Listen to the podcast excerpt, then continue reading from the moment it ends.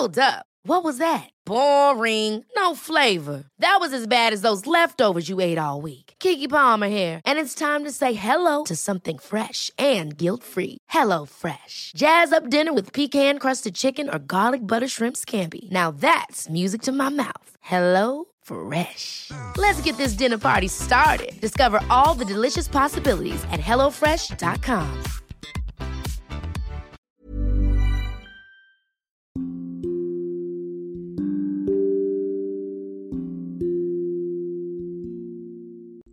terima kasih sudah mengunjungi dan hendak mendengarkan podcast Dongeng Tidur. Aku Iren Evita. Selama ini aku pakai aplikasi Anchor untuk buat dan publish seluruh episodeku. Kalian juga bisa loh download dan pakai Anchor untuk buat podcast karena 100% gratis dan bisa didistribusikan ke Spotify dan platform podcast lainnya. Selamat mendengarkan Jorinda dan Jorindel. Semoga lekas tidur dan bermimpi indah.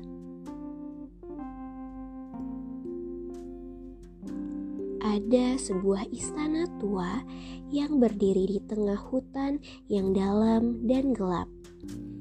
Di dalam istana itu tinggallah seorang peri tua. Peri ini dapat berubah bentuk menjadi apa pun yang ia inginkan. Sepanjang hari, ia bisa terbang dalam bentuk burung hantu ataupun merayap di tengah kota sebagai kucing. Tapi pada malam hari, dia akan selalu kembali menjadi wanita tua. Jika seorang pria muda datang mendekat seratus langkah dari istananya, laki-laki itu tidak akan dapat bergerak hingga peri wanita tua itu datang untuk membebaskan sihirnya. Tentunya dengan syarat bahwa laki-laki itu tidak akan pernah datang ke dekat istana itu lagi. Tapi, jika yang datang adalah seorang gadis muda, peri wanita tua itu akan mengubahnya menjadi burung cantik dan meletakkannya ke dalam sangkar. Kemudian, menaruhnya di sebuah kamar di dalam istana. Hingga saat itu sudah ada 700 sangkar berisi burung cantik di dalam kamar itu. Suatu hari ada seorang gadis muda bernama Jorinda. Jorinda adalah gadis yang paling cantik di kota itu tiada yang memiliki rupa mempesona seperti dirinya. Ia ditemani seorang laki-laki penggembala yang seumuran dengan Jorinda dan sangat menyayanginya. Laki-laki muda itu bernama Jorindel. Jorinda dan Jorindel akan segera menikah. Hingga suatu hari, mereka pergi ke hutan, dan menurut mereka, di situ hanya ada mereka berdua saja. Di dalam hutan, Jorindel memperingati, "Kita harus berhati-hati, jangan sampai berada dekat istana peri." Saat itu, sore sangatlah indah. Sinar terakhir dari matahari yang akan terbenam bercahaya melewati tangkai panjang pepohonan di atas mereka. Juga terdengar nyanyian merdu dari turtle doves, sebuah jenis merpati kecil berwarna abu-abu muda dengan garis-garis gelap di leher mereka dan bulu emas di sayap mereka. Turtle doves itu bernyanyi dari pohon birch yang tinggi. Jorinda sedang duduk di bawah sorotan matahari dan Jorindel duduk menemani di sampingnya. Tiba-tiba mereka berdua merasa sedih tanpa tahu penyebabnya. Mereka merasa seolah akan terpisah satu dengan yang lain. Mereka telah berjalan cukup lama dan hendak kembali ke rumah. Namun, tiba-tiba mereka tersesat. Matahari pun mulai terbenam. Sudah setengah lingkaran matahari yang hilang di balik bukit. Jorindel tiba-tiba menengok ke belakangnya dan melihat ada sesuatu yang lewat dengan cepat dari semak-semak. Jorindel menjadi ketakutan dan mukanya pucat. Ia gemetaran. Sementara Jorinda hanya bernyanyi. Burung merpati bernyanyi dari balik pohon willow. Sungguh sebuah hari. Ia meratapi takdir pasangannya. Sungguh sebuah hari. Ketika nyanyian Jorinda mendadak berhenti, Jorindel melihat ke arah Jorinda. Dan Jorinda telah berubah menjadi burung bulbul. Nyanyiannya pun berakhir dengan kicauan yang sedih. Seekor burung hantu dengan mata tajam terbang tiga kali memutari mereka dan tiga kali berteriak. Tuwu, tuwu, tuwu.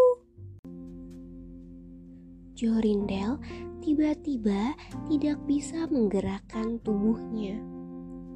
Jorindel tiba-tiba kaku seperti batu, tidak bisa menangis, tidak bisa bicara, ataupun menggerakkan tangan dan kakinya.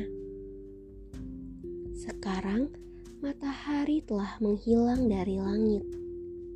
Kegelapan mulai menyelimuti langit. Burung hantu itu terbang ke dalam semak-semak. Kemudian, dari dalamnya muncullah peri wanita tua yang pucat dan kurus. Matanya menatap tajam. Jarak hidung dan dagunya berdekatan hampir bertemu.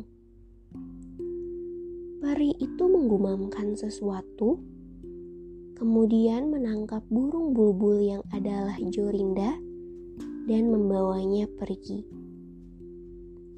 Jorindel yang malang hanya bisa menyaksikan Jorindanya dibawa pergi. Tak ada yang bisa ia lakukan. Beberapa saat kemudian, sang peri kembali ke tempat Jorindel dan bernyanyi dengan suara serak.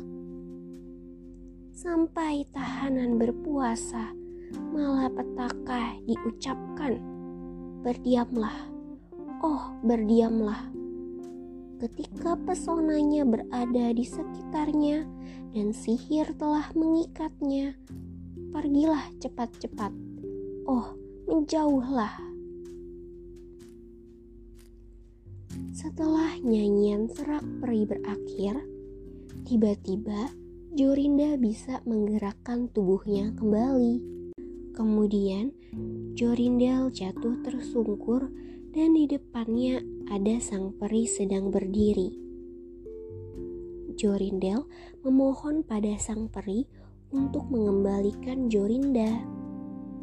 Namun, peri itu menertawakannya dan menyuruh untuk tidak pernah datang lagi ke dekat istananya.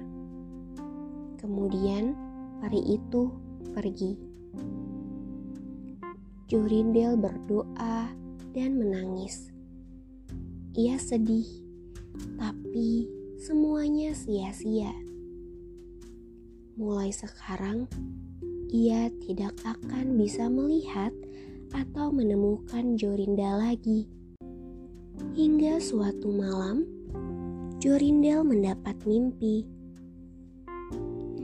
Dalam mimpinya, ia menemukan sebuah bunga cantik berwarna ungu dan di tengahnya ada mutiara mahal. Di mimpi itu, Jorindel mencabut bunga itu dan pergi membawanya ke dalam istana. Semua yang ia pegang di dalam istana menjadi hilang sihirnya.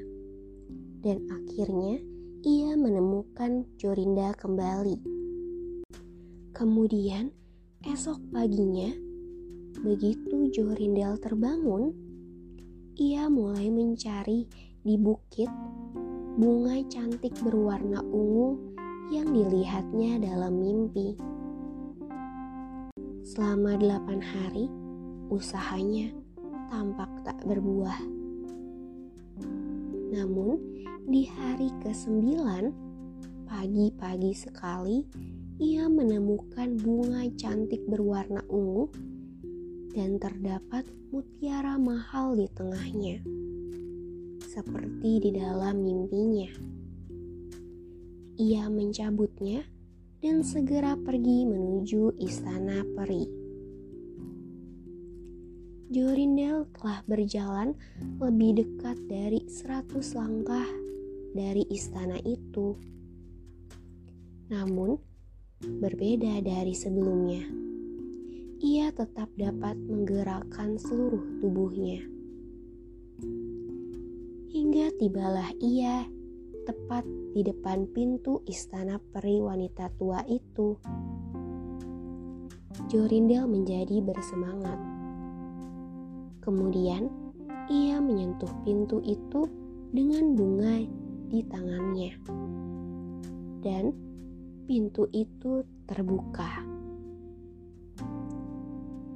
Ia masuk ke dalam istana dan di dalamnya ia mendengar banyak sekali kicauan burung dari suatu tempat di dalamnya.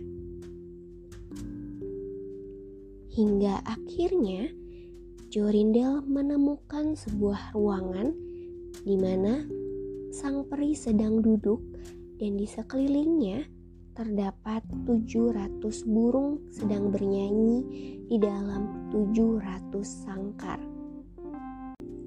Ketika peri itu melihat Jorindel, ia menjadi sangat marah dan berteriak kencang.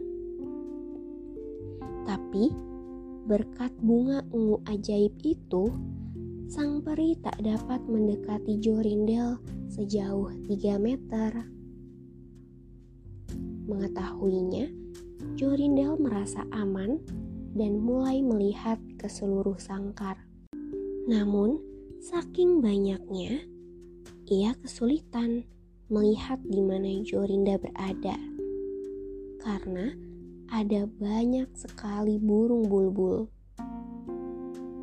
Selagi berpikir, ia melihat peri mengambil satu sangkar burung dan kabur melalui pintu. Jorindel mengejarnya dan menyentuh sangkar itu dengan bunga. Saat itulah muncul asap dan burung itu hilang digantikan kemunculan Jorinda.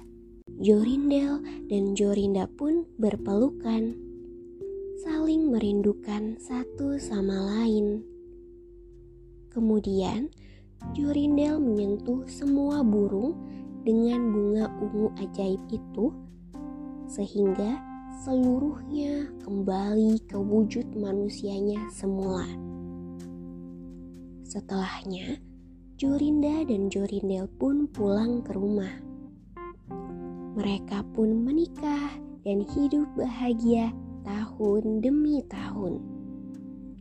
Begitu pula laki-laki muda lainnya yang memiliki pasangan perempuan yang sebelumnya dipaksa bernyanyi sebagai burung di dalam sangkar-sangkar milik peri wanita tua.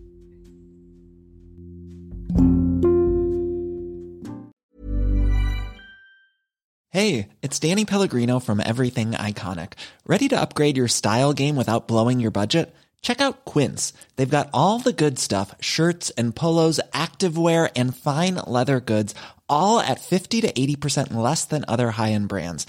And the best part? They're all about safe, ethical, and responsible manufacturing. Get that luxury vibe without the luxury price tag. Hit up quince.com slash upgrade for free shipping and 365 day returns on your next order. That's quince.com slash upgrade.